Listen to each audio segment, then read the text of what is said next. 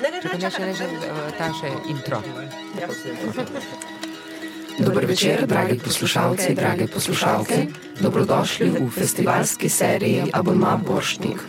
Oglašamo se iz Maribora, sočasno s tekmovalno predstavo festivala Borštnikovo srečanje 2018. Gilgalovanje v produkciji gledališča Glej. Danes z vami Lina, Timotej, Nina, Mince, Mika, Zala. V seriji Abonma Borštnik spremljamo in komentiramo predstave tekmovalnega programa 53. festivala Borštnikovo srečanje.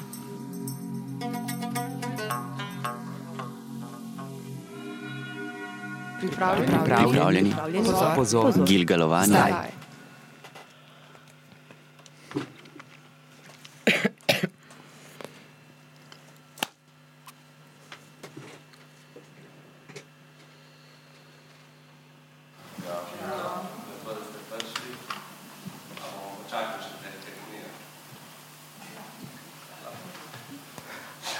Pozdravi nas Andraš Juk.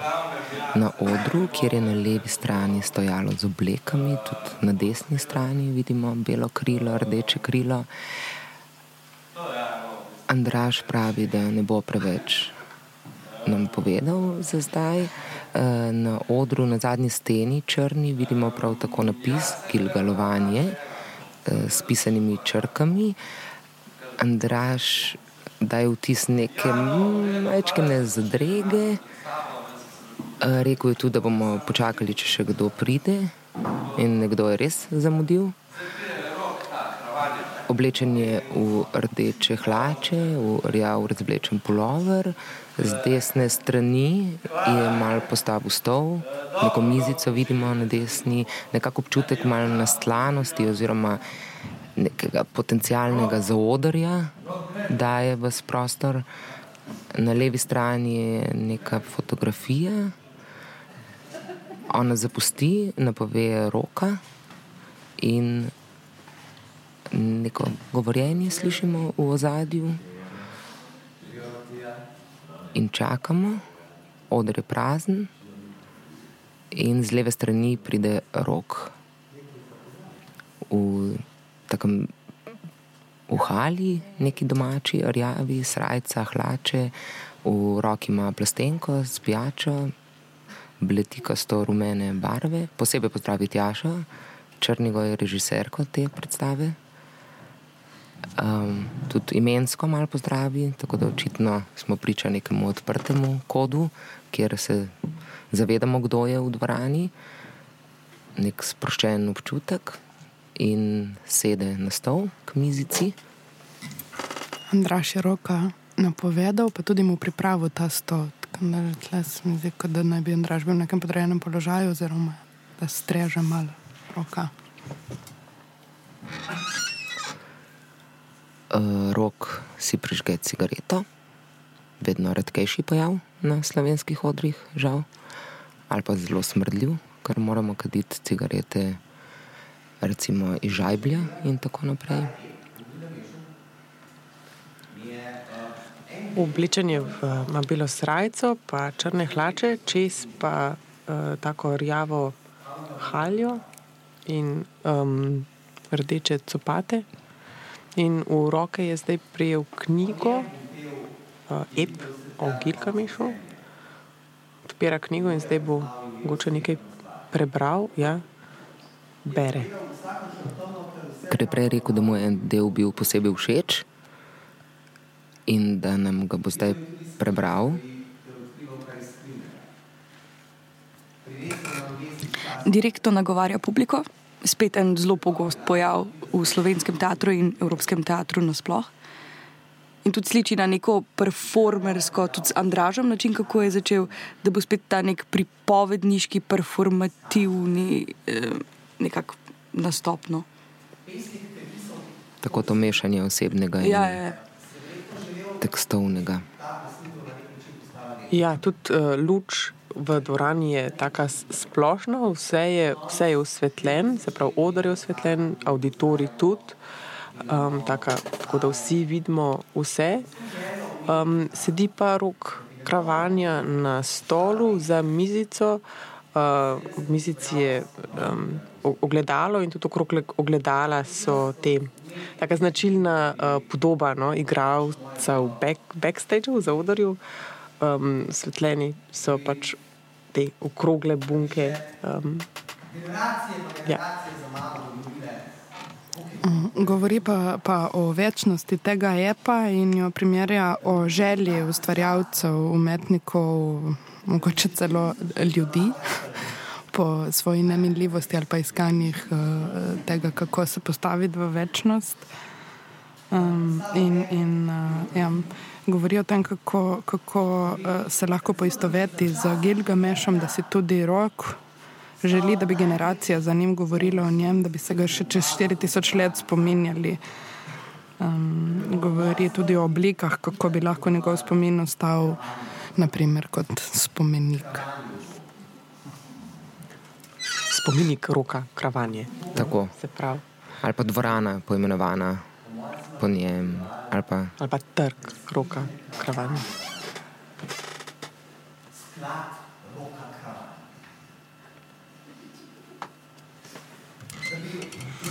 Mogoče lahko omenimo, da je leta 2006 bilo v slovenskem mladinskem gledališču uh, uprizoritev Epo Gilgamešu v režiji Jrneja Lorencija in priredil, mislim, dopisal, priredil, adaptiral jo, jo je takrat Neboša Pop Tasič. To je bila tudi predstava, s katero se je otvorila uh, stara pošta, prostor stare pošte. Šlo je za zelo uh, specifično, tako ritualno gledališče, ki je ki je bilo, recimo, če, če zdaj povežemo z neko uh, poetiko Lorencija, kjer se spet preizprašuje čas. Uh, vidimo, da je v bistvu se tudi takrat imel neko pač to ne, malo obsesijo s časom, z ritualom, z nekimi drobnimi premiki, z eno nevredno koncentracijo, ki je bila, uh, ki morala biti prisotna tako pri izvajalcih kot pri občinstvu. Samo mogoče to me je spomnilo, ker si umenila uh, to predstavo, Epogilba je mešal, se spomnim, da sem jo na vsak način hotela videti. Um, nekako nikoli se ni šlo, ali jaz nisem bila prosta, ali ni bilo, ni bilo termina. Uh, na vsak način sem jo hotela videti in spomnim se, da sem prišla v mladinsko gledališče in hotela na blagajni. Sem si želela iti noter uh, in so mi rekli, da je razprodan. Um, in sem jaz vsem prosila, da bi se dal, mogoče kako priti noter, vsem se dal, lahko bi sedela na tleh. Ali, ne, vedno pač se da stisniti mogoče še kam eno osebo. Namreč to predstavo so že kar nekaj časa igrali, jaz se nisem videla, to je ena od zadnjih ponovitev. Um, in um, ne, niso me spustili noter. Um, rekli so pač, da žal ni mogoče in vem, da sem takrat precej žalostna. Eh, zdaj v duhu te eh, želje po neminljivosti oziroma večnosti uh, nam rok uh, pove o vseh svojih uh, nagradah iz še amaterskega, torej pred akademijskega časa, in nam jih tudi um, postavi na ogled, tudi med nas jih poda, torej te plakete, mape, kjer so ta priznanja shranjena. Prva je nagrada JSKD-ja, druga je nagrada Čufarjevih dni.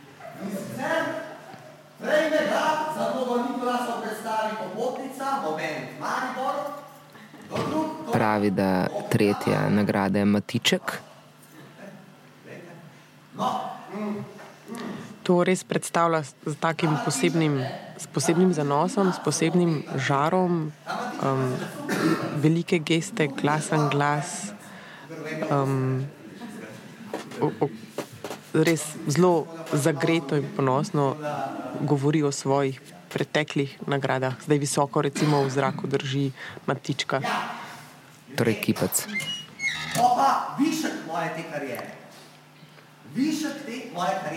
Vmes je ugasnil cigareta. In jaz se sprašujem, ne, kako, zdaj, kako, kako se jaz zdaj počutim, kako me to ne, nekako iščem, v bistvu odnos svoj, kakšen odnos bom jaz zdaj vzpostavila kot gledalka. Do tega na nek način razumem, Ne, prej so prej omenili to Gilgamešovo željo po po, po nesmrtnosti, po večnosti, potem da pusti pečat. In zdaj se tukaj očitno gre za nek, um, aha, tudi aplaus je dobil publiki, um, ker kaže raven nagrado. Ja, tako ukvirjanje je velik um, zlat okvir. Severjeva. Severjeva nagrada, ja, ukvirjena, ukvirjena v zlat okvir z rdečim paspartujem. Um, in hotela sem reči, um, da ja, se sprašujem o tem odnosu, razumem, spratka ta. To Gilgameševo ne, željo po nesmrtnosti in tudi on v bistvu je govoril, kako si on to želi. To spratka, po, po, povezovanje zdaj osebnega svojega z, z, z fiktivnim.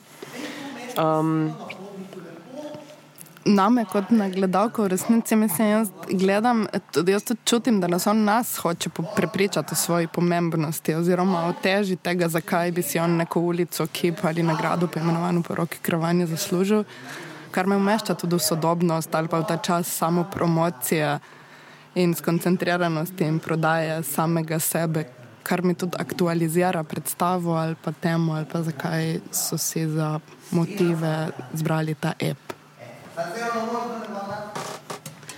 Ja, ampak poleg tega, da se v bistvu dela paralela med to nesmrtnostjo ali pa tudi neko samošečnostjo ali pa pač te neke vidiki epa, je zanimivo, da se recimo v lanski sezoni v kar precejšnjem številu, predvsem seveda na nevladni sceni, pojavlja moment, ko pač igravci in igravke čutijo potrebo, da delijo neke svoje uh, intimne bolečine, seveda, ali pa neke tes, uh, stiske povezane s poklicom, pokl povezane z neko uh, negotovostjo. Uh, tesnobo in je zanimivo, kako je to v zadnjih letih prišlo skozi teater v neko javno uh, izjavo. Uh, tako da ne gre samo v bistvu na nek način za njega osebno, gre za njega, za predstavnika uh, freelancerja. Ne? Uh, igralca. Um, je nekaj vse en, pač vse en se vidi to, da se to dogaja na nevladni sceni, ne? da pač v instituciji tega ne, ne, ne srečaš. Ne? Ja, in tudi način, v bistvu, s katerim to razlaga, je neka mešanica, da jaz nisem čist prepričana, da je to zdaj, kako je to za res, kako je to cinično, kaj je v bistvu, kaj več se sporoča zadnji s tem, ko se tako zelo. Um, uh, ja, kaj je zadnji? Se pa spomnim tudi uh, trenutka v Kralju Ibiju, ni čist isti, ampak ko je imel uh, Slakonija monolog, da ipak je znan, pa vse, ampak ne dobi tega znotraj teatra, da ne dobiva glavnih vlog, da on ni pa ki je Klemen Slakonija, ampak dobiva sam stranske, da se niti ne spomne v Hamletu, je igral. Um, Rozenkranc. Uh, ja, Rozenkranc ali Gildenstern tako da tudi znotraj institucije se. Ampak zdaj, ki si ravno omenil kralja Ibija, je tudi uh, v kralju Ibiju smo imeli ta moment, kjer so naštevili nagrade Jrneja Šugmana, mm. ki je bil v tistem momentu, dal so ga v en tak okvir. Uh, in je prišlo do te dvojnosti. On je bil Šugman in hkrati je bil Ibi, mislim, se je poigravala s to uh, dvojnostjo, um, ki je v bistvu zdaj vidimo, da nas že pri par predstavah zasleduje med privatnostjo in med, uh, med nekim igranim uh, likom. No, ka, recimo, meni je bil fulj zanimiv moment, zdaj, ko je te nagrade kazal. V bistvu je kazal tudi nagrade iz amaterskih odrov, ki se veliko krat pozabijo v bistvu za nazaj. In ne vem, na, jaz sem ga zelo sem ga čutila, ker se mi zdi, da mi smo ravno v tej fazi, ki gremo ven. Ampak predvsem pa, ko prideš na akademijo, se mi zdi, da prvo, kaj se ti zgodi, je, da je en mali šok. Da recimo, da si bil, predtem si bil eden redkih, ki se je ukvarjal z gledališčem, si prišel, si pobral te amaterske eh, nagrade, so ti pomenile cel svet, pa si pa prišel na akademijo in si bil eden izmed stotih, ki so bili tako dobri, in pa se začne ta boj za te, ta, v narekovajih, resne nagrade. In se ti zdi, da tako si bil ponosen ravno na te matičke in za vse nazaj, ki so kar naenkrat razvrednotene, ker štejejo Severjeva, recimo, ki jo on, hvala Bogu, ima, in pa potem Boršnikove. In, in za katero je tudi dobil aplaus v publiki, ne točno za to, ne za ostale. Absolutno. Ampak recimo se mi zdi, da. Um, Mene je recimo ful strah, zdaj ko končujemo, kaj bo potem. Kaj bo, ali bomo tako kot je recimo rok, ki je freelancer, ki je borba zunaj, ki kot freelanceri lahko dela, mislim, uspešno dela vzorce za res, od ženske pa uspešno delala Maruša Mar, ki se pa tudi zdaj zaposlila v drami. Oprosti, da te nagovorim kot, uh, kot, kot za igralce, govorim samo za igralce. Ja, ne, ne, ne, ampak pač eh, je kar nekaj, vseeno mm -hmm. več teh ljudi. Vito ja, Vajs ja, ja. je absolutno tak predstavnik uh, nevladne scene, pač igralske, pa prej je bila to Katarina Stegnar. Mm -hmm. Tako mislim, ja, tu je ena lista, kar je pomenljivo, že vidiš, da jih ti ne znaš našteti takoj. Več to kot vem, pet, da... mogoče niti jaz zdaj takoj, ko začnem. Vem, da prav za ženske sva. Enkrat smo se pogovarjali, da, da je bil, res smo ful s težavo naštel ženske, ki so delale kot freelancerke us, uspešno. Se valjda ful dela, ampak tako uspešno. In takrat smo res prišli na Katarino Stegnar, ki se je zaposlila in Marušo Majer, ki se je ravno kar tudi zaposlila. Matešec ja. je bila dolgo, dolgo, dolgo. Tudi res, ja, in je tudi šla v Maribor. In zelo uspešna ja. tudi na svetu. Ja, to vem za njo. Mm -hmm. Pardon, zdaj se malo vrnemo po vseh teh nagradah.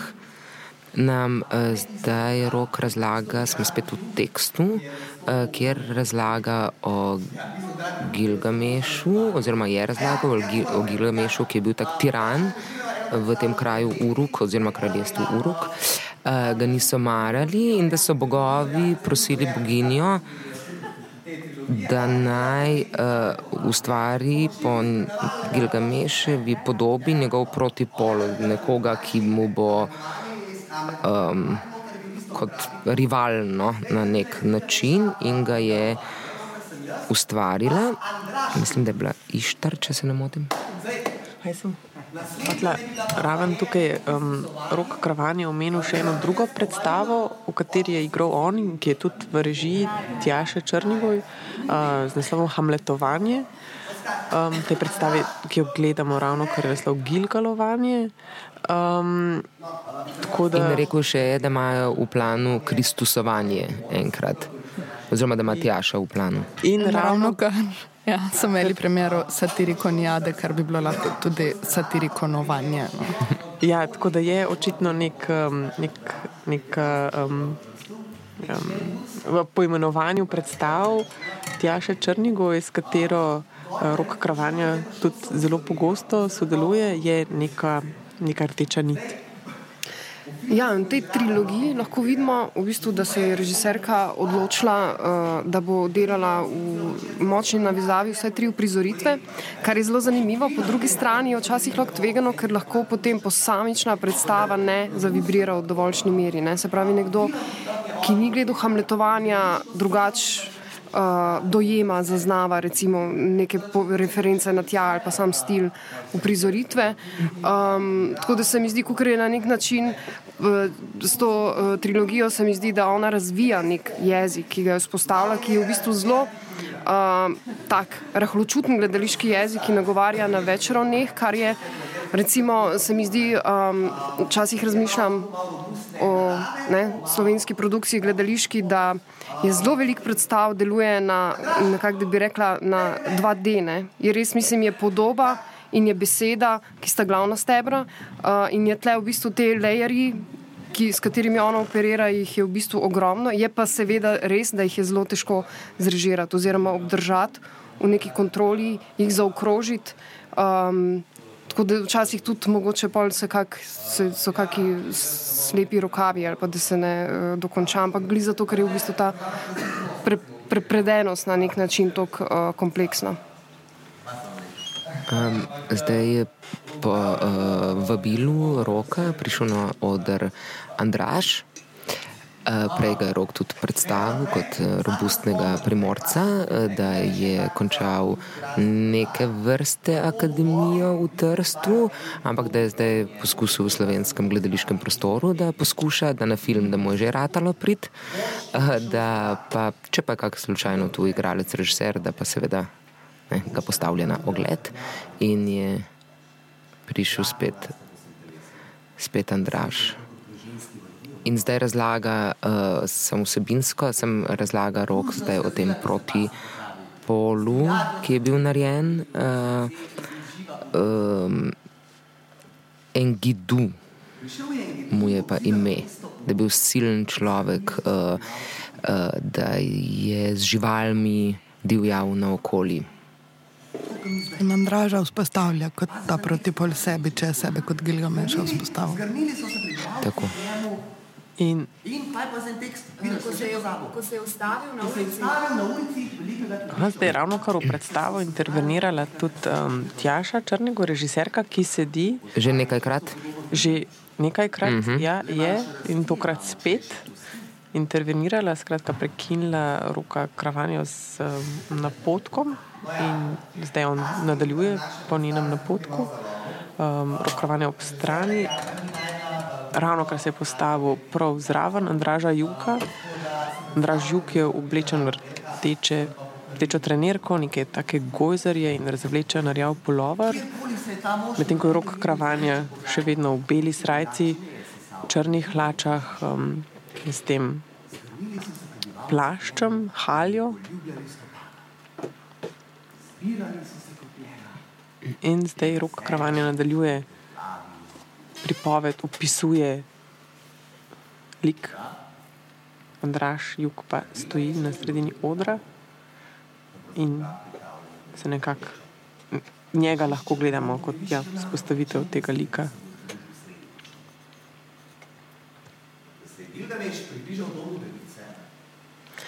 Ta prisotnost režiserke ne, je v bistvu tudi nek tak njen uh, značilen znak. Ne. V bistvu je en par, uh, poleg nje, recimo Nina Rajč Kranjec, je tudi predvsem na neodvisni sceni, ko dela predstave, je v bistvu na svojih ponovitvah vedno prisotna.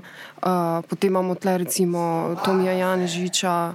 Ne vem, Ivanina, ti si bila pri svojih ponovitvah. Ne vem, tle mogoče neko vprašanje tega principa. Um, Kje recimo pride odločitev do, do tega, pa kako recimo spet od, odgovornost ali pa neko investicijo dodatno to zahteva. Ne? Da, ker doskrat se, pač, pri, se zgodi premjera, ne glede na to, kakšna je in pač režiser se, režiserka se pač odstrani, gre v nove projekte in se v bistvu na nek način prereže to popkovnico. Po Um, tle so pa v bistvu vse čas prisotni in vse čas nekako vplivajo. Čeprav vidimo, da so seveda mestoma to zrežirani, seveda ne ti dialogi. Ampak uh, gre vse in za pač prisotnost, če ne druga pač prisotnost, da pride na vsako ponovitev in živi s to uh, predstavo dalje. Ko recimo razumeš to gesto ali pa pač čistko. Um, ja, mislim, da če mene, vpra ja, če mene vprašaš, je ja, res odvisno od, od predstave. To gesto razumem gotovo kot neko. Um, um, kako bi rekla? V bistvu tudi vzpostavlja, skratka, če je v bistvu režiser prisoten na predstavi, pa če se v bistvu če intervenira v predstavo, odpira, razpira to v bistvu neko, neko um, drugo realnost, oziroma se kaže to poigravanje v bistvu z prepletanjem večjih realnosti. Ne? Režiser je ponovadi neka vloga, ki je zunaj.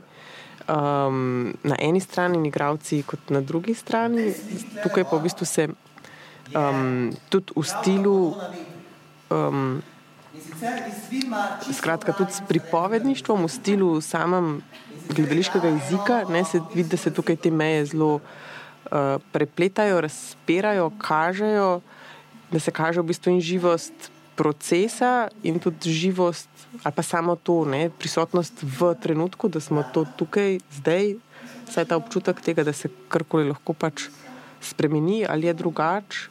Um, tako da mogoče ja, nagovarjanje neke druge prisotnosti ali pa razbijanje neke um, ja, iluzije, stene, nekako približati te dva svetova, fikcija, realnosti. Um, tako, ja. Sem čisto vsebinsko, sekunda, uh, neka B, tako je ti dam besedo. Uh, da sta se torej Gilgameš in um, Engidu spoprijateljila, kljub temu, da so bogovi imeli dru, druge načrte za njih, zdaj pa izvoli neka B. Ne, um, ne vem, meni je mogoče, ker konkretno to gre za tjašine intervencije, njeno režijo, njeno predstavo in je si zala prej v smislu te njene trilogije in načinov prizoritvenega tu in koliko nivojev kompleksnih je skupaj sešitih, pa si pač prav rekla, da je to mogoče težko režirati. Jaz to tudi kot njeno gesto razumem. Celo bi lahko rekla neke zaščite ali pa celo izgovora, če sem malo predrzna, ne, da je to še vedno malo v nastajanju. Uh, pa da s tem mogoče upra upraviči tudi še vedno svoje intervencije. No. Um, je pa se, se mi. Pa jaz drugače pa tudi to ful podobno berem, kot si ti Avanina napisala. Pač to opozarjanje, da je tukaj zdaj in se mi zdi, da neka prisotnost biti na, na, na ponovitvah svoje predstave ali pa si pustiti ta prostor, da je to lahko spremenjujo, spreme, še trajajoč proces tudi po premjeri, se mi pa zdi neka kvaliteta ki jo mogoče pač absolutno bojan Jablanovec razvijal negativo, pač ful razvijal. Jaz ne vem, jaz nimam te tendence kot režiserka recimo blazno spremenjati svojih ponovitev, niti ne vem, če v tem vidim neko blazno zanimivost, se mi zdi ravno ponovljivost nekega gledališkega dogodka v nijansah, kaj se dogaja glede na razpoloženje tistega dne, kontekst in to zanimiva reč, ampak svobodica, ki si jo pa lahko puščaš, kako vzdušje v ekipi si ti naredil, zato da lahko to še vedno traja, tudi v smislu mogoče nekih drugih praks, kjer se dela v kolektivih, ne mogoče v takih hierarhijah, kot smo imeli v tem prostoru, vajeni pa zanimivo. No. Ampak, recimo, prej, ko si omen, omenila Janežiča, se zdaj zelo strinjam z vama, da tudi, ker sem zdaj na zadnje gledala to predstavo v mladincu z naslovom Še ni naslova, si ravno zaradi njegove uh, prisotnosti tam imel res občutek, da spremljaš nek proces, še neko nedokončano delo, bilo je blazno sproščeno zaradi tega, ampak hkrati se mi pa zdi, da kaj je mogoče pri Janežiču bilo vnapran, recimo Tjaša Črnigoj, je, ker je bil on tok prisoten na odru, ona pa ni vidna nam, je bilo, da je bila zelo poudarjena njegova vloga režiserja.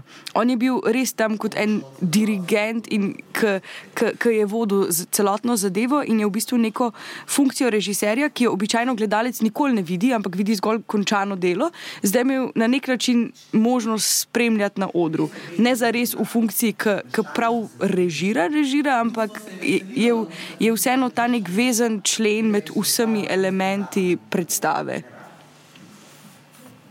Odidi hoče na velikana oba.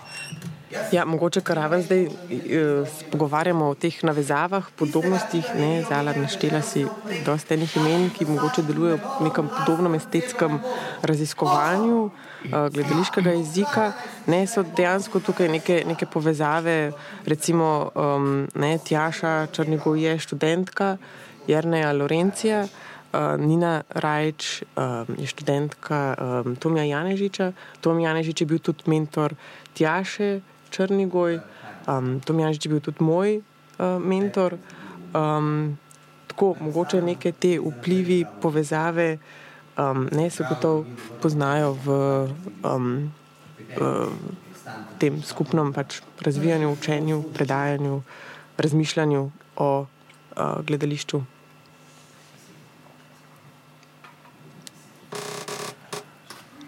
Zdaj en meni kar duhovit detajl, ko se pomoli uh, rok k fotki, ki je na levi strani, za katero prej je povedal, da je to predstavlja Vinjo Šamaš, ampak v resnici pa je to fotografija Polone Vetrih iz uh, serije uh, Čisto pravi kusar, ki sem jo tudi jaz uh, z veseljem spremljala, ko sem bila majhna. Uh, to se mi zdi tako zanimiv, zanimiv detajl. In odločite se, če sem uh, uh, vsebinsko, da greste Gilgameš in Engidu, da se boste zoprstavili velikanu, velikanu Humbabi in da morate iti zato v Cedrov gost.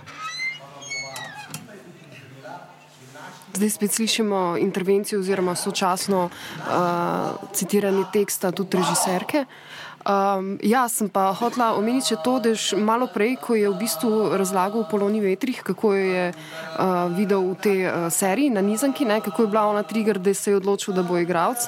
In to se mi zdi zanimivo, ker se že doskrat pogovarjamo, kako imamo v bistvu si, totalno različne vzgibe, kaj nas je prelomno, da smo se začeli ukvarjati uh, z gledališčem. In tako, ker je pač ta moment ali pa podatek komičen, je v bistvu, jaz verjamem, lahko resničen in pač ponoma. Ja ne narejen. je danes je, pardon, uh, uh, tudi pri tej uh, deseturni predstavi, ki smo jo Elina že prej omenila od uh, Janežiča. Uh, Je tako pogosto, da igralci pač v predstave vnašajo svoje zgodbe, da se pol kot gledalec tudi začneš spraševati, že, uh, do kere mere je to res in kje, mislim, kaj je izmišljeno. Uh, No, zdaj pa gledamo tudi en tak prvi večji uh, scenski premik uh, v predstavi. Um, igravca se pravi roka kravanja z leve in um, Andrašjuk z desne, sta v bistvu vsak svoje strani potisnila pred seboj te, te stojali z oblekami, um, tako da sta na sredini odra dve uh, stojali polni uh, obešenih oblek, ki predstavljata ta cedrov kost luč je še vedno splošna, tudi publika je še vedno uh, osvetljena. In oba dva, rok Kravanja in Andraš Juk, vsak svojega uh, obešalnika z, z oblekami, jemljeta te obleke v roke, ampak te obleke seveda predstavljajo nekaj drugega, predstavljajo drevesa. Prihod ta naprej in nazaj skozi te obleke kot da hodita skozi gost. Tudi pojeta zraven, se pravi, glasbeni vložek je njun. Skratka, ne uporabljata nobenega, ne predvajata glasbe, pojeta. In tudi, mislim, da tudi slišim tjašo, tudi tjaša, poje.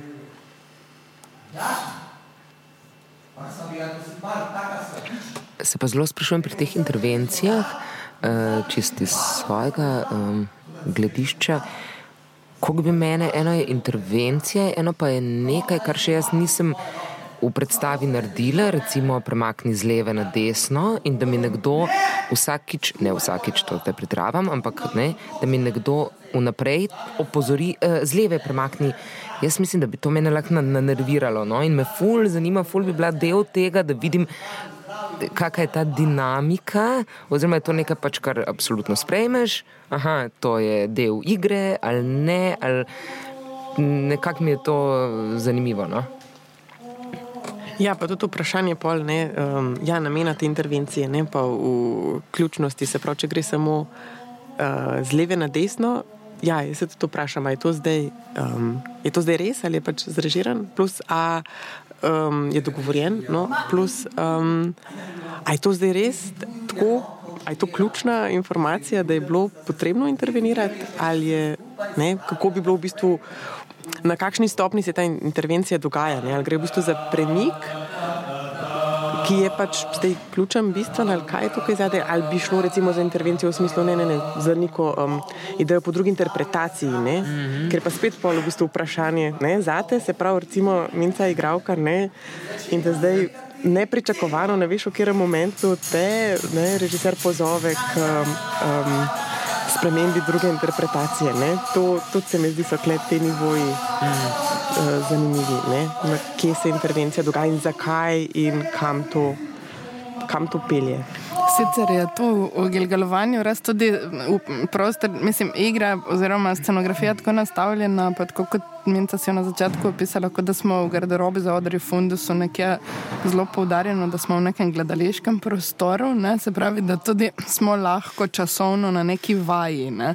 In da potem so s tem utemeljene intervencije. Samo se mi zdi zelo dobro, ko si Lina rekla, da prisotnost Tomija na odru v predstavi še nima naslova, da je Eh, njega utrjevala kot režiserja in dirigenta in njegovo pozicijo ful močno izpostavljala, ampak meni se zdi, da tudi če Tjaša tle ni videla, če so to take intervencije, da ona na ta način dirigira igralcem in spet v bistvu to njeno pozicijo torej utrjuje. Mm.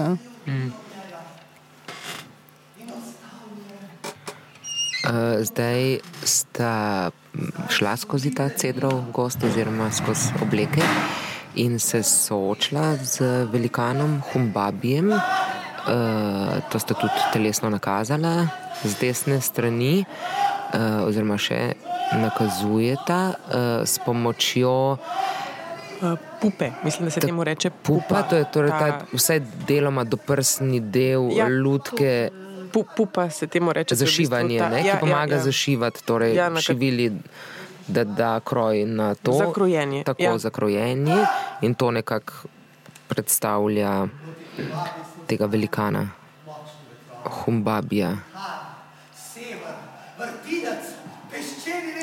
Draž jug stoji pred to pupo in uh, izmenično dviguje roke, maha, kot da, se, kot da se brani, kot da se brani pred tem velikanom. Rokotravanje pa spredaj, tik pred publiko, z obema dvignjeno uh, visoko v zrak, dvignjenima pestema, kriči. In zdaj je šel do Andraža, vzel to pupo in jo odpeljal nazaj na drugo stran.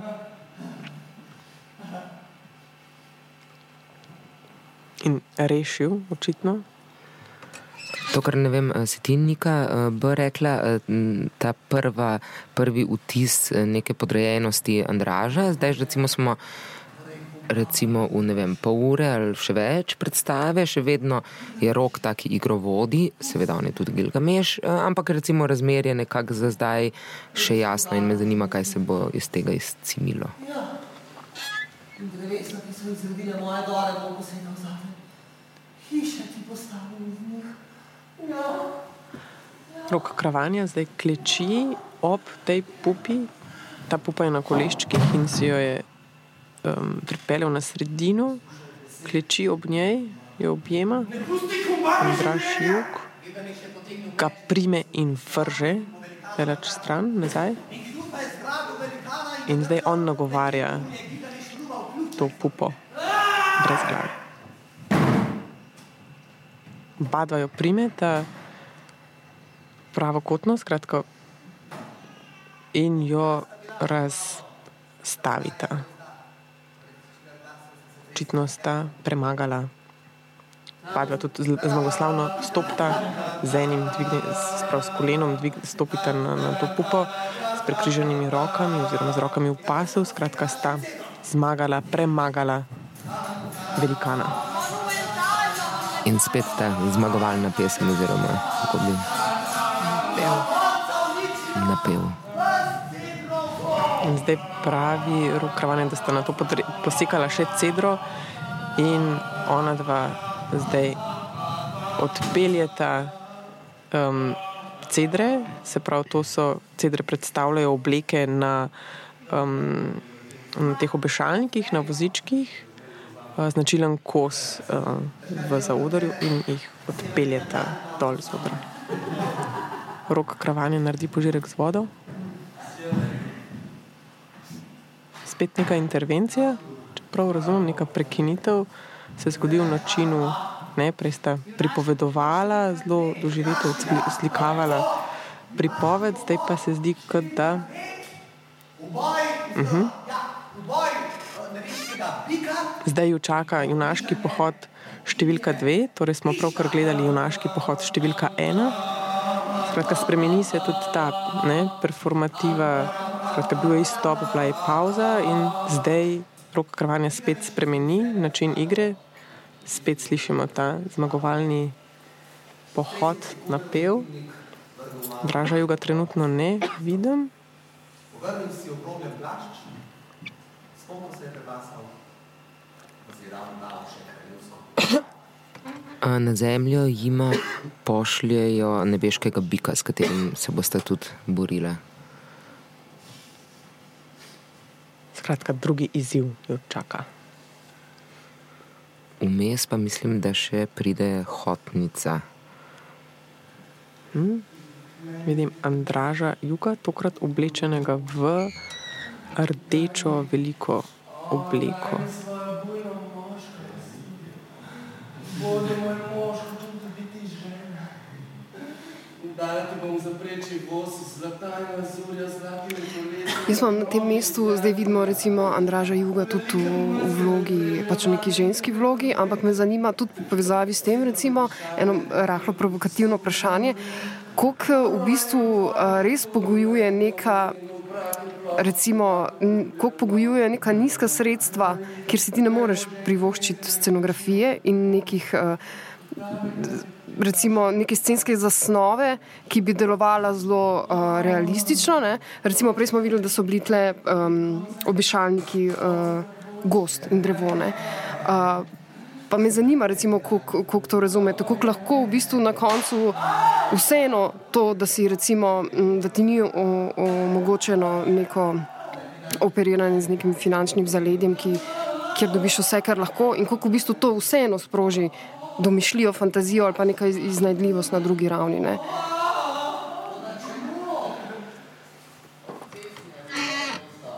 Ja, to je ful res.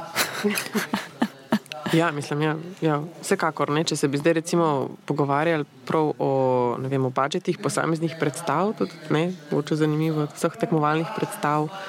Uh, Pošnikovega srečanja in mogoče pogledali razliko v prav, finančni podpori posamezni predstavi, verjetno bi bile to kar um, zanimivi podatki in bi videli, da so velike razlike, velika odstopanja, mislim, zelo velike pač razlike v, v finančnih budžetih posameznih predstav. Um, tako da gotovo, ja, sam denar, ki ga imaš na voljo za predstavo, vpliva na estetiko, gotovo. Um, in v bistvu pa ja, je vprašanje, kako zdaj. Ja, in pač tudi na samo kreativo, ne? kako bom zdaj, v kakšno situacijo bom postavil, kaj imam na voljo, kaj lahko znotraj okvira, ki ga imam na voljo, naredim. Pa bi bila pač ta predstava potem pač v drami sploh možna, glede na to, če imaš ti vel, na voljo velik budžet, da ti potem sploh če bi pa želel narediti spe, specifično tako predstavo, bi jo naredil, ali ti potem že sam budžet, ko imaš ti pred očmi to številko, da pa zdaj pa boš ti to porabil za sceno, pa boš to porabil za to. Za to.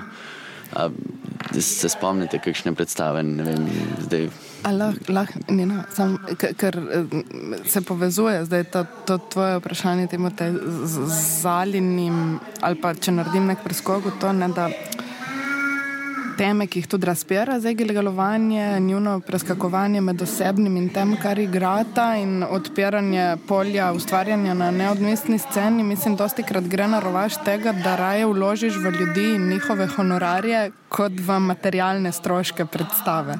In je to vsakič gesta honoriranja in uh, valutiranja ljudi, ne, na račun tega.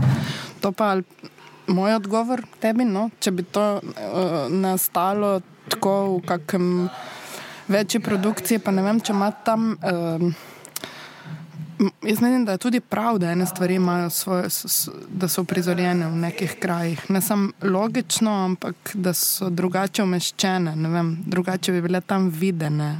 Ne? Je po mojem razmislek če ti delaš v instituciji, tudi na kak način boš, tudi če take teme komuniciral in s kakimi sredstvi, po mojem, nastaviš drugače. Ne, jaz, tam pa jaz mislim, da ne samo zaradi denarja, no.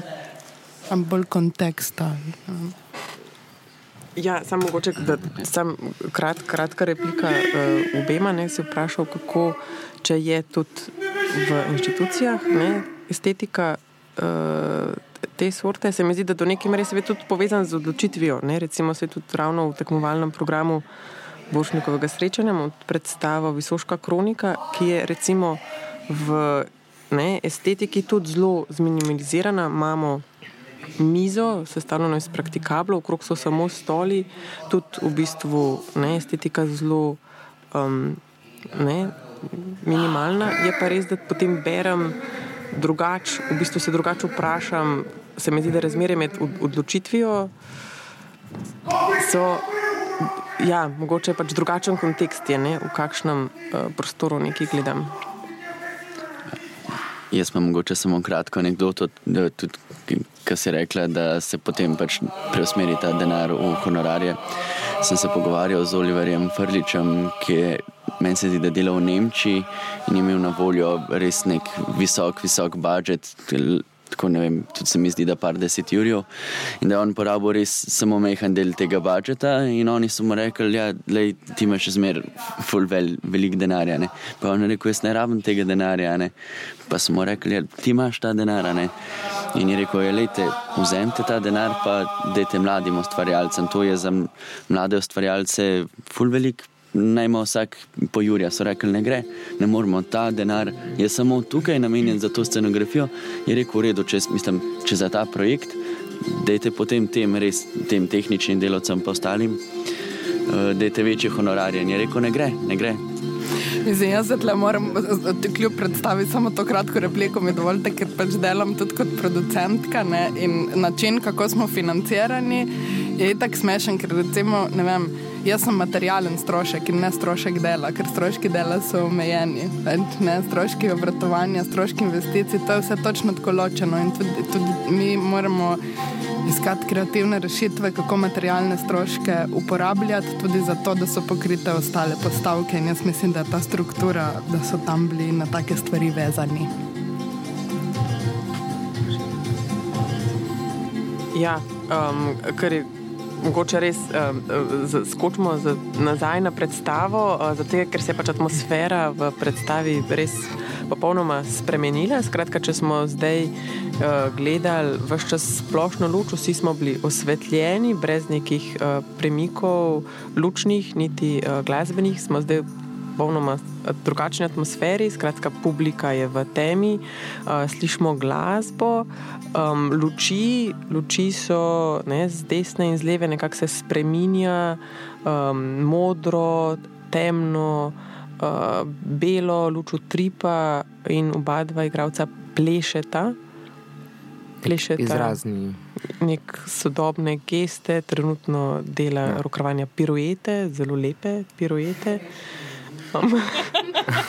Res lepe.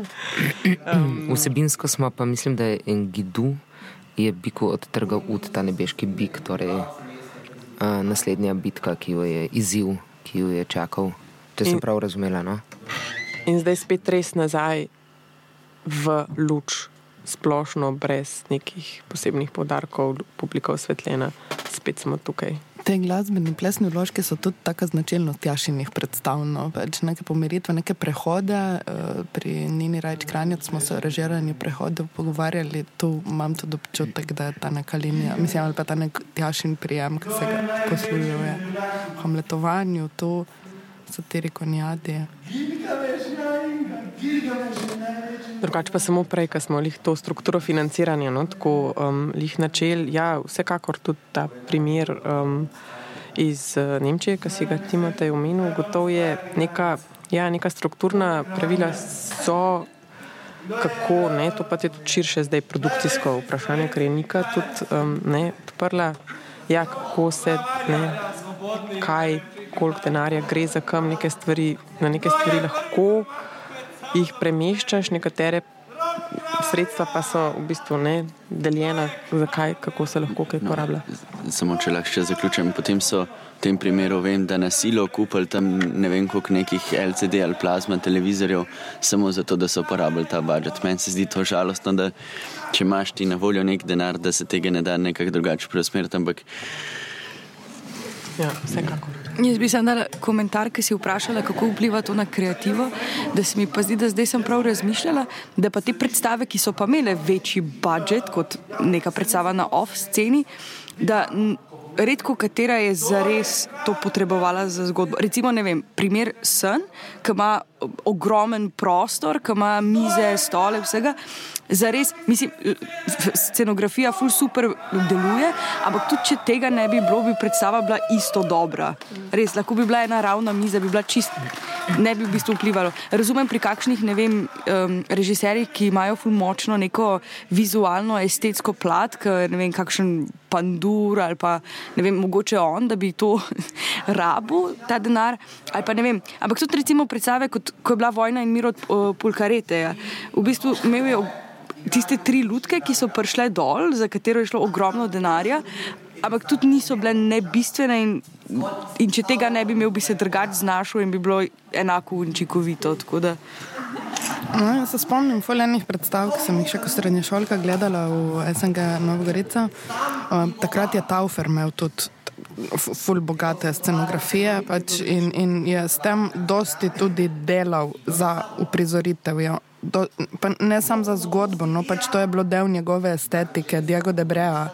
Um, In je tudi bil nes, nek trend potem, no, da se s tem, mislim, pač tudi živadino s tem še vedno govori. ja, ja, pač. Gre za to tudi na kak način. Jaz sem full stopila v ljudkovni svet in tam se mi je spet razprlo, veš, govorjenje s temi likovnimi jeziki, ne, ker ne gre zdaj za nek setting, ki ga ti rabiš za označitev prostora z vsemi slikami in stenami in vsemi kosi pohištva, ampak kako ti to likovnost in prostor tudi.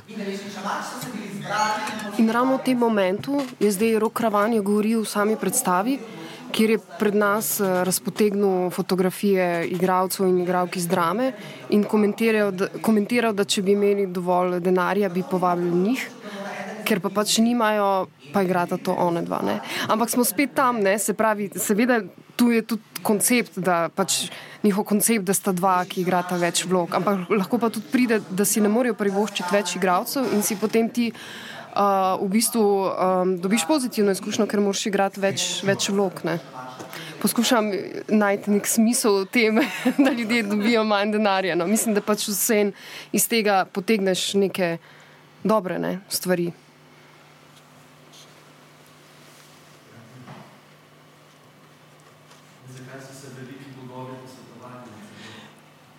Ja, jaz sem samo hotel v bistvu komentirati. Se mi zdi, ja, iskati kreativne rešitve iz uh, tega, da nečesa nimaš, vsekakor te pač to, to uh, ne, um, napelje v neko, neko drugo smer, ker, ki je lahko tudi, ne, ali pa je um, ne, zelo kreativna in tudi zelo zabavna, kako iskati v bistvu rešitve. In je, se mi zdi, da je to, tako bom rekla, da se mi zdi do, dobro.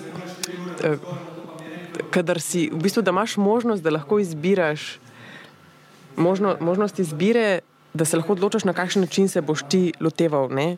To se mi zdi v bistvu važno, to v veliki meri pač povezan z denarjem. Če sem jaz, če imam občutek, da. To no, bi se mogoče izpostavila. Um, recimo, to se mi zdi, absolutno zdi ne, denar za ljudi, uh, za, za, za čas, um, ne v primerjavi, ki se zdaj odpira ta debata, koliko denarja za materialne stroške, koliko grobestvo za ljudi. Se mi zdi absolutno ja, um, denar za ljudi, ampak tudi denar za produkcijo, pa tudi je važen v bistvu. Um, Ker je to pač povezan s tem generalnim trendom, kako se v bistvu tudi zmanjšuje um, ne, sam, sama sredstva za produkcijo kulture v splošnem, um, kar se ne, pozna posod. Ne. In Recimo, ko si omenila raven prej um, Lina scenografijo, recimo sna, pa kako bi bilo lahko enako, tudi če bi bila recimo samo ena miza, um, ker je recimo tudi ta predstava v tekmovalnem izboru in tudi predmet naših pogovorov, ker smo se veliko tudi pogovarjamo o, tudi o tem, tem primeru, ne, smo raven uh, pažali tudi, kako je v bistvu tudi to, da je v bistvu. Imamo tam tri mize spredaj, ki se v bistvu uporabljajo kot igralni prostor, zadnji pa jih je deset, kjer v bistvu ne, nekdo sedi, nekdo gre, ampak je občutek neke praznine, neka ne, samote, te občutek teh ljudi, ki bi tam lahko bili, pa jih ni, je pa v bistvu tudi ne, prisotnost skozi odsotnostjo tako. No. Ne, ne, jaz se absolutno strinjam in mislim, da uh, scenografija, ki je in tudi pri drugih predstavah, definitivno nekaj govori, doda. Absolutno. Jaz sem želela sam povedati, da sem pa pač ful prepričana, da v primeru, da bi mogel zdaj Lorenci to, to predstavo postaviti na off-sceni za ful manj denarja, pa magar isto zasedbo, se mi zdi, da tudi brez te scenografije, da bi naredil isto močno predstavo. Da, ni, da scenografija, če bi jo odvzel, ne bi sami mi predstavi to kot zel. Definitivno pa doda, absolutno in govori ful. Pardon, sem za hip, se vrnimo na oder, kjer uh, leži očitno je zbolel uh, en gidu in uh, nad njim je rok spet s nekim plesnim uložkom. In glasba se je pojavila, in temačno vzdušje je postajalo, in tudi Andraš začenja z gibom.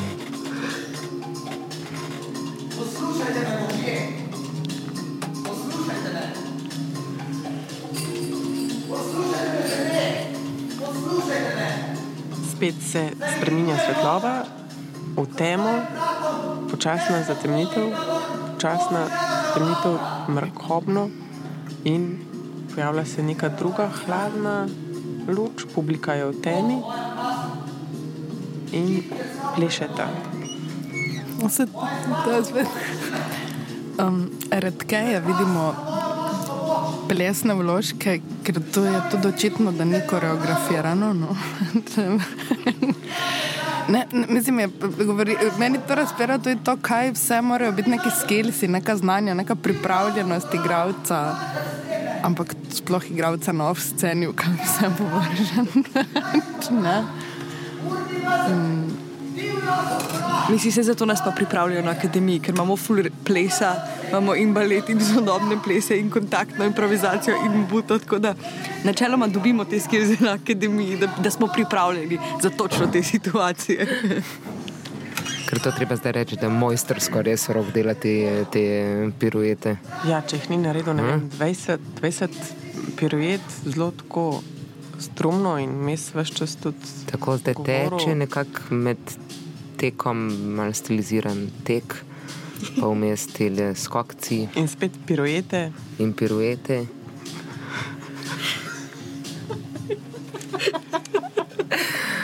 S- Noro.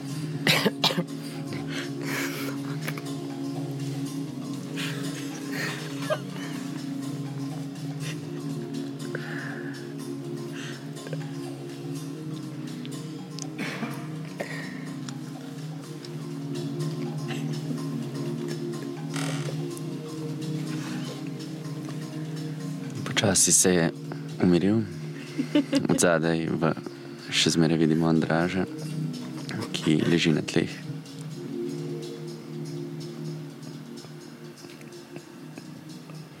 Tema, le snob svetlobe v ospredju odra.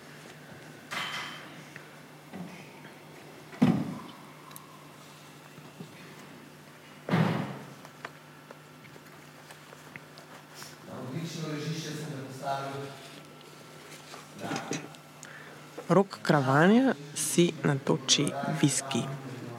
Spet se vse razsvetli, spet smo v delovni luči.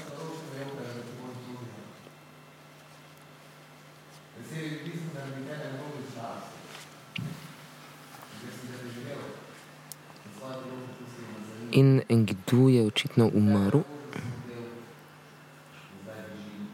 Andraš jug leži na sredini odra, bolj zadaj, nekako um, kot, da- kot da bi spal, pokrčene roke, ima pod glavo, pokrčene noge. Rok ga gleda, um, ga opiše, kako leži na zadnjem počivališču, vmes je spil alkohol.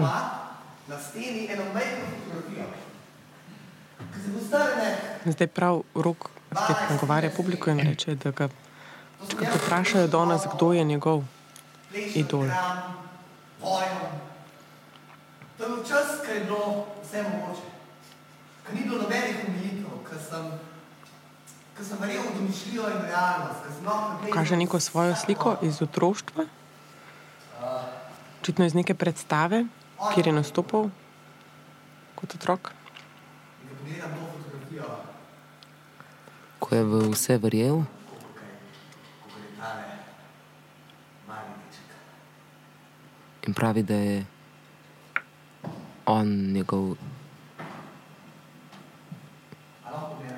Ja, s- sam sebi, sam, tako. svoj, sam svoj idol. da bi rad bil tako pogumen, kot je bil takrat.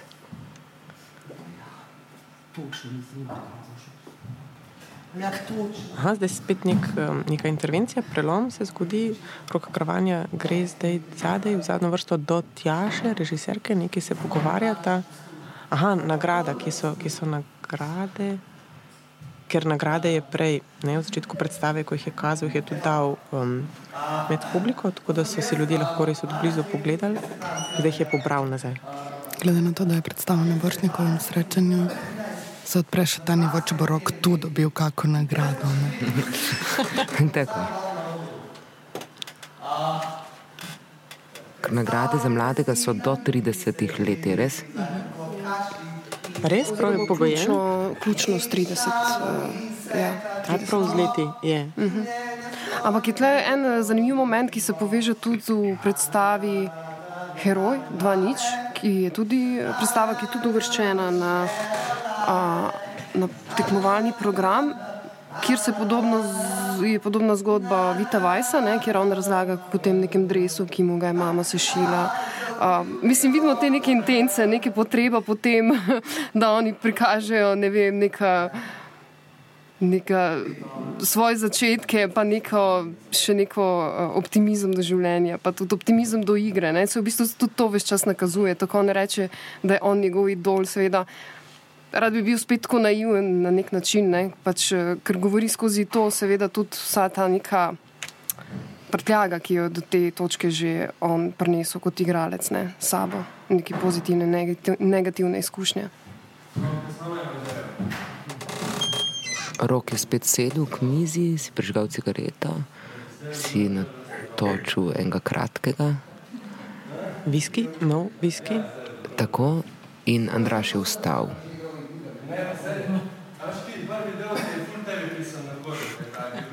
In da je reče, da bi v drugem delu on igral Gilgameša.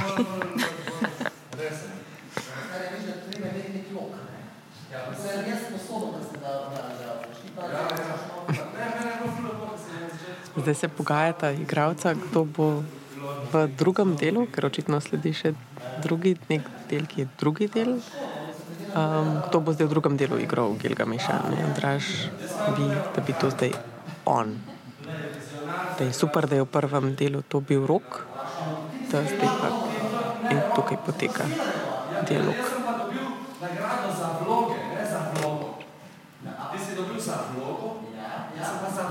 Aha, Draž Šivk je tudi ima neko svojo nagrado in pravkar prebral neko obrazložitev iz nagrade, ki nekako um, podpira njegov argument, zakaj on bi bil bolj primeren igralec. za Tudi zato, ker je dobil za več vlog, ne? hkrati nagrado, tudi to je rekel.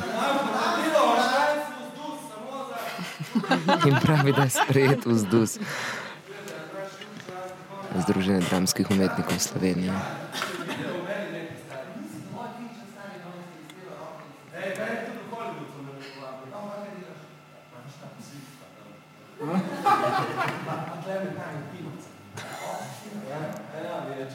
Še vedno teka dialog, pregovarjanje, kdo bo, kdo bo ta, ki bo igral Gilgameša v drugem delu. Ampak z vsemi temi priznanji, seveda, ona dva sporočata o neki relativno mladi osebi, ki je na trgu. Ne? Se pravi, dobro, mi smo zdaj tle no, znotraj gledališča, kjer se neke vezi, kjer ljudje ne hodijo sicer na razgovore, ne? tako kot mogoče v, v drugih poklicih ali pa recimo drugi študenti, ki končajo uh, uh, fakulteto. Ne? Tudi audicij ne, je manj, recimo ja. v slovenskem prostoru mm. za igralce. Ampak gre za neko to, uh, kaj vse zna, kaj vse ima, ne, da bi ga nekdo, nekdo opazil, tudi na neki formalni ravni. Ne. Ker si lahko mislimo, da je pa na drugih področjih pa res temelji na tem, na listinah, na, na nekih priznanjih in tako naprej. Andr Prosti, ne, hice samo moment mi je, ker je ravno omenil tudi Andraš svojo nagrado, je, da tako kot ima rok Matička, je v bistvu pred kratkim Andraš dobil na, na vizijah nagrado za vlogo, vizije so pa podmladek Linharta in na isti način ste v bistvu tukaj, je tako mal podrejen v, v predstavi roku. Tako da tudi za svojo to eno nagrado je v bistvu čist mal podrejen roku, ker je dobil na v bistvu podmladku Linharta na vizijah. Ampak je zanimivo, ne, da se vse čas sprašujemo, ker recimo ne poznamo Andraža Juga. Ali pa jaz sem ga mogoče videla prvič igrati, pa par enkrat v neki branju prizoritvi. In je v bistvu še vedno je na nek način ostaja enigma, ker pri njem pa res več ne veš, je zas, ker ga ne poznaš odprej in ne veš, kje je zaseben in kje igra. In v bistvu ga gledaš s popolnoma drugimi očmi, z drugimi nekimi receptorji. Mogoče si celo bolj pozoren na, na njega kot na, na roka. Ne? Andraš Juk je zdaj tudi drugače oblečen, ker se je preoblekel, sliko je svoje rdeče trenirkaste hlače in je samo v belih spodnicah. Uh, sliko je tudi rjav polover in je samo v beli spodnji majici, bos, uh, v rokah pa drži velik črn plašč. Um, očitno je on bližje nekako na poti, da bo zdaj on sen, ta Gilgameš. Mislim, da je bilo mesto glasovanje oziroma uh, nagovor, nagovarjanje publike, tudi publika. Tudi publika, ne, mislim, ne, da je. Ja, a ga podpirajo in tudi zdaj Andraž zauzema to, že spreminja fizično pozicijo, nekako išče drug fizis. Ja, glede tega. Um, um, biti na trgu, s čim se dokazuješ, ne, na, na kak način. Jaz vem, da, da, da, da je moj občutek bil na akademiji, za nekatere zdaj bomo igravci govorila, ker sem tam zaznala to v generacijah moji pred mano, za mano. Pol. Enim je dejansko bilo že to, da so bili na akademijo sprejeti, sprejeto samo umevno, da so postali igravci in je v bistvu sam ta trajanje študija štiriletnega. Um, so se neki preobrati potem v tem razvoju njim dogajali, kar sem jih tako spremljala takrat kot neka študentska kolegica. Ne. Um, Mi res to, da Andraš ne prihaja z, naše, našega agrafa, to je kar, kar uh, specifična situacija, tudi pove dosti o našem prostoru in kako kako mogoče z nekimi mini vnosi se to lahko spremenja, sploh zaradi nekih prepletov, plesne, neinstitucionalne ne scene, da mogoče neki performeri drugače, ampak vedno so nekako drugo kategorično tudi um, označeni. Ja, tako, tako da, ker imamo tle vaju dva študenta igre, ne, pa v resnici sta v zaključnem letniku, kako ne vem, to svoje vstopanje na trg vidva vidita ali kako sta pa vidva doživela svojo sprejetje na akademijo kot že izkaznico za vstop v slovenski gledališki svet? Ali... Ne, ne, niti slučajno ni izkaznica, sploh ne. Mislim, recimo, zdaj se to valjda potencira, ker smo na koncu, te je absolutno strah. Skozi poslušaš, da so teatri polni, da ni del. Absolutno so šolci dobivajo različne projekte v, v teatrih, kar lahko na tej točki pomeni nekaj, lahko absolutno nič, ker v preteklosti nekateri so delali full na akademiji, v, v, prav v teatrih, da so jih zasedali kot KG, kot AGRFT, pa pol kasneje čisto nič. Tako da ne, eh, trenutno smo. Absolutno vsi negotovi in nas je strah, in sam delamo, in imamo spoštljiv odnos do tega teatra, in poskušamo res se posvetiti delu in čim bolj to opraviti. In pol res, sam upaš, da, da te kdo opas, da te vzamejo. Ampak recimo hecem pa je, da poslušaš recimo jaz od ljudi, ki so končali akademijo, da vedno bolj ugotavljajo, da, je, da izbirajo ljudi ne po tem, kako so dobri, ampak kaj rabijo. Mm. Recimo glede nekih fizičnih predpozicij ali pa točno nekega tipa človeka. Res pa je, res pa je ker si omenila Andraža. Ja, Absolutno, on ne prihaja z AGRFT-ja in mi smo tako zaprti. To, to je res umetniške vodje hodijo na naše produkcije. Tisti, ki so v Ljubljani skoraj da skos, ostali recimo vse na diplomsko, on tega luksusa absolutno ne bo imel. Ne, kar... Ampak je, je fulje pa hecen, ker pa poslušaš za stare čase, da so pa ljudje popolnoma brez akademije lahko prišli v službo v teatre. Jaz ne vem, če je to res, poprosi, popravite me, ampak recimo ta starter novšek, mislim, da nima akademije, ni ani učitelj ali neki tasga. Ne, ne, ja. nima, pa Anica Kumer recimo je začela kot šepetavka, mm. Alenka Cilenšek kot Evo, šepetavka, ja. Ja, ja. mislim, Ivo začela. A ja, Ivo Barišič. Ivica Knes. Ivica Knes. Ja, točno. Ne, se mi zdi, da te, ti prehodi so bili mm. včasih mm. malo bolj prijazni. No? Mislim, mi absolutno na tej točki. Mislim tudi, da je bolj življenski. Ja, meni se tudi to zdi. Mislim, mi absolutno na tej točki ne razmišljamo, da mislim, niti nimaš ozaveščeno, da bi lahko prišel v teater, v ansambl ali pa tudi kot KG za kak projekt, za prav vlogo. Uh, če nimaš akademije. Razen če imaš full srečo in te kak režiser ravno porabi, ali pa kakor, kot nekateri režiserji, ja, full radi vzamejo od zunaj, ampak ti so res redki. No. Zdaj pa na odru vidimo, um, je to samo Andraš Juk, še zmeraj oblečen v bele spodnice, uh, belo spodno majico in ugrnjen v črn plašč. Uh, Rok kravanja je šel dol z odra, pusto traža samega, očitno je to zdaj, smo vstopili, vstopamo v ta drugi del, um, kjer bo Andraš Jug, Gilgameš, uh, hodi ritensko, prišel je čist nekako bolj v zadje odra, stoji nekako mal se prestopa, aha, z ene noge na drugo, zdaj je počeknil, počepnil. Um, luč je še zmeraj ta splošna, mogoče malo mal se, se temni, kako vidimo te njegove gole noge, ki gledajo spod tega plašča. In se temni.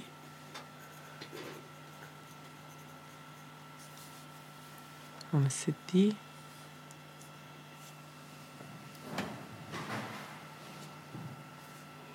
Tišina. Čakamo. Zdaj se je pokril nenadoma s tem črnim plaščem, tako da ga sploh ne vidim, plašč je res tako bil velik. Ne? Tišina.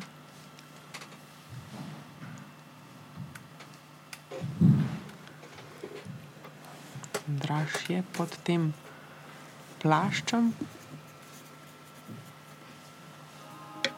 Pod tem plaščem je nekako, ne vidim čisto dobro, ampak slišim, premika se in se premika na, na, naprej. V bistvu slutam neko, neko dogajanje pod tem plaščem, ne proti nam, aha, slišim glasbo in tudi vidim, Andraš je zdaj dvignil se, vidim samo njegove noge, malo nad koleni, samo njegove noge, še zmeraj pa je skrit pod plaščem, skratka, noge se premikajo naprej.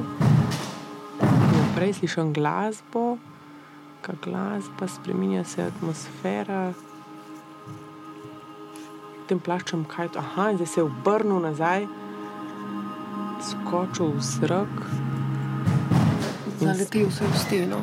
Zaletel v steno in spet prišel naprej pred, pred nas, ampak čez glavo drži ta plašč, tako da glave ne vidim. In zdaj spet se obrnil in zatekel nazaj, skočil in padel. In spet se dvignil na noge proti nam. In se obrnil, in spet zateče nazaj, in se zaleti v steno, pade na tla se dvigne nazaj na noge, glavo ima še vedno, ne vidim glave, je še zmeraj pod tem črnim plaščem proti nam in spet teče nazaj. Se zaleti v steno. Kar pomeni, da tudi on ne vidi stene, proti ja, kateri teka. Ja, res je. Nekam hoče, nekam hoče, ampak očitno ne bo šlo tja skozi.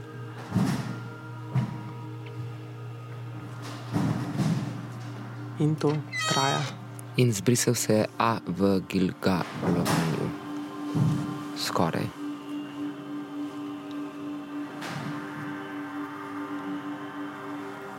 In še zmeri, ne, Andraš, Gilgameš se zaletava nekam hoče, nekam hoče na vsak način.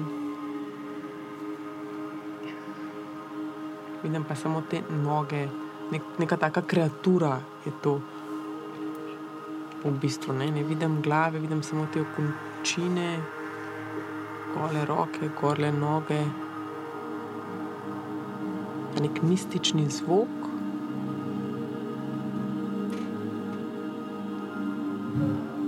Ne, nek prehod se očitno dogaja, neka ne vem, transformacija. Ja, mislim, da v, v epu, da je Gilgameš, da je Gilgameš to ta um, smrt prijatelja, ne, uh, engituje, da ga to nekako mu da spet tam to misel na smrt, ne, na to, da vsi to dočakamo. Mogoče da bi to bilo kaj povezano s tem, kar nekam sili, kamor kjer ni potke, ne, v resnici ne, ni, ni rešitve v zabijanju v steno. Ne. ne vem, to je samo moja interpretacija, lahko da ni, ampak Ja, ja, pa tudi ta atmosfera, no, mogoče je ne, neka umestnost, občutek nekega umestnega stanja, Ja. ja. nekje, ne, gotovo. Je pa ful, ful realno prisotno, da, da ne vem, jaz doživljam Andraževo bolečino ali pa mislim, ful Andraža gledam, no, kako, Mhm. kako to počne. Um, iz anegdote v resnici tudi vem, da je to bila neka kriza v, v procesu, ker je on nedobesedno se zaradi tega začel zaletavati v steno, no, ampak da je bila to ena od improvizacij, delno tudi iz neke stiske, če sem prav razumela ki se je ohranila v predstavi. In zdaj si v Se mi Ob- zdi.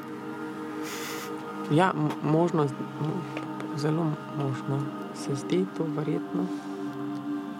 In je zdaj, ob, zdaj pa vidim njegov obraz, oblekel si je namreč plašč, se obrnil proti nam in stoji tik pred nami, nekako je spremenjen izraz na obrazu, neka tragika, žalost, stiska. stoji tik pred nami, ne? tako da ga imamo res blizu, blizu. In desno stopalo si je poškodoval, zdaj to ne vem, ali je Ja, vsakič kaj drugega, ali je to zrežirano. Ja, šepa, čut se, zgleda očitno, da ga nekaj boli. Mislim, glede na to, da se je prej velikrat grobo zaletel in grobo padel na tla, Mm. to pusti na njem neke fizične posledice.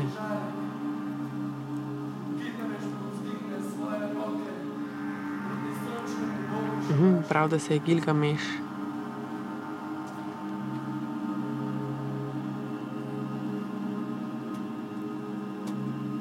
govori o Gil- Gilgamešu. Digne roke, je pa. To zaletavanje je očitno pomenilo prebijanje skozi neko Mhm. sotesko, da smo res gledali en del nekega pot- potovanja Gilgameševega. kliče. Ker naj bi v iskanju ravno odgovora na nesmrtnost šel v, v divjino, no, po epu.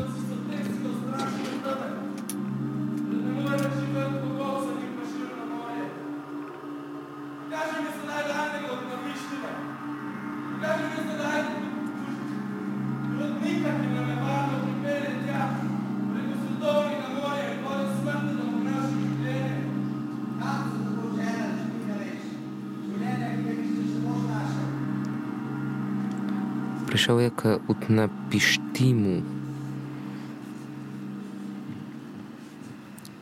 ki ga prosi za večno življenje.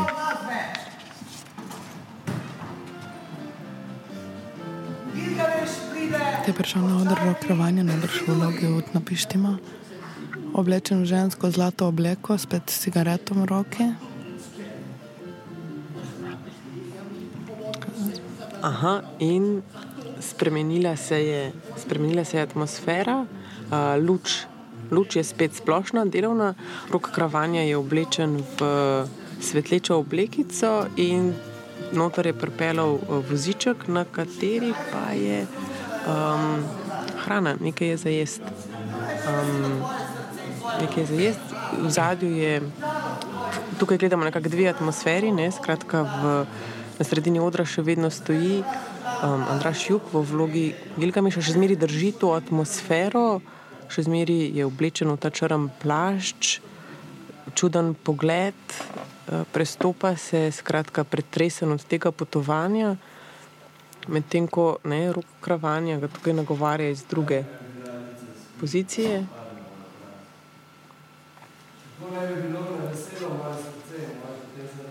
Rok kravanja gleda. Draž, Andraš stoji nekako na sredini odra.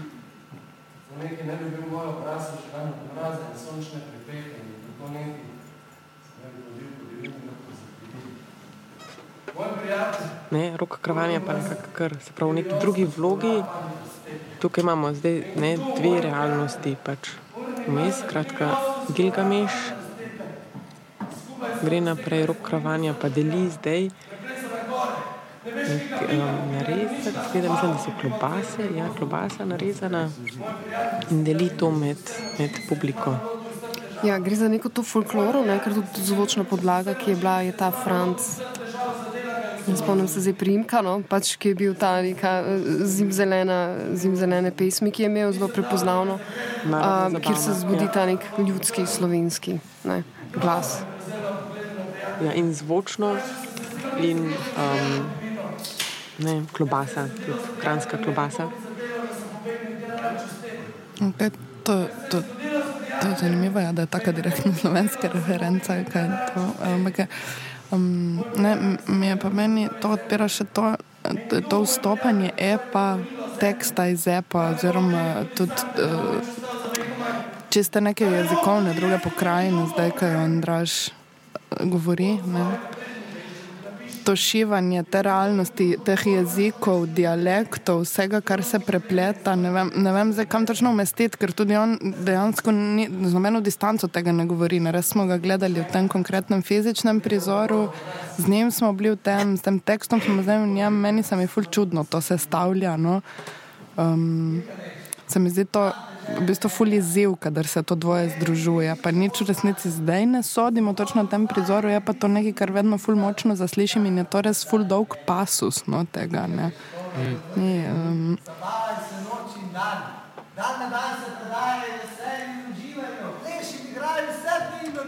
Tudi pivo zdaj deli na okol. Tvoja glava vina. Vodijo kopano med tvoje telo. Veseli srečka v svoji strani, ki te grabi za roko. Srečna, požena v tvojem naročju. Tako da je bo življenje ljudi.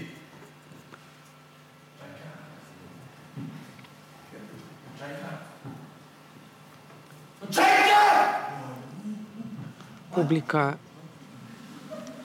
je dobila za jesti, dobiva tudi za pit.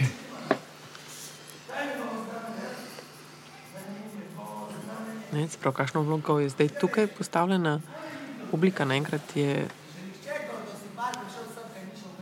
del gostije, vabljeno na gostijo.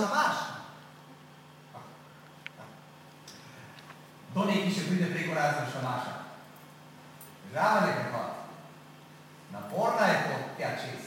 In vmes je voda smrti, ki brani pristop. Pa ne vem, če ima tudi ta intervencija rokova kako veze s tem, da si je končno izboril Andraš Gilgameša. In ne mine Ne, ne mine pet minut, ko že uleti on z nečim boljšim, to je seveda prigrizok in napitek. Ne? prav borba nekako za pozornost. Ja, oziroma ta nek um, dialog med uh, višjo kulturo in nižjo kulturo, med neko veselico in hkrati nekim teatrom. Ne.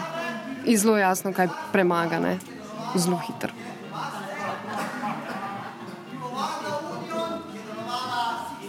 Aha, no, in napovedana je pauza. Torej, počasi smo vstopili v pauzo, rok kravanje napove pauzo, deli kozarčke, povab tudi publiko, če, ho, če kdo še kaj zapit. V bistvu razporeduje kozarčke po tem um, vozičku, kamor bo verjetno natočil pijačo. Ja, in še zmeri, čeprav je pauza, ne, v bistvu pove, še vedno v vlogi, da lahko pride publika in se vzame za pit, gre lahko ven na čik. Medtem ko Andraš Juk v vlogi Ilgameša še zmeri nepremično eh, stoji na istem mestu kot prej, pristopa se, skratka, drži še vedno to atmosfero Gilgameša in publika, ne, nekaj časa ne vemo, je zdaj to res zdaj pauza ali ni, ali kaj, očitno je res, res pauza, tako da čas za pauzo.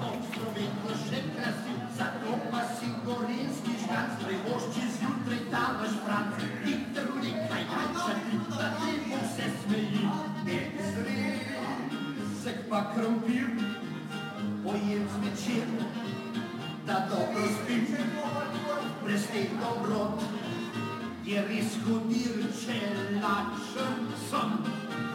Jaz ne zaspim, zato prvošem si, najraje vse, kar mi diši, enega porana, pa še fasana, trebušček moj, ko si mocoj. Sledil me bom se teh navad, preveč imam samega severa, doktor moj pa grišil prav, šir pa vse en rad je zdrav, če sem blizu tistih let, pogleda me vse manj tekli, zato pa ti trebušček moj, še rajžo boš z menoj.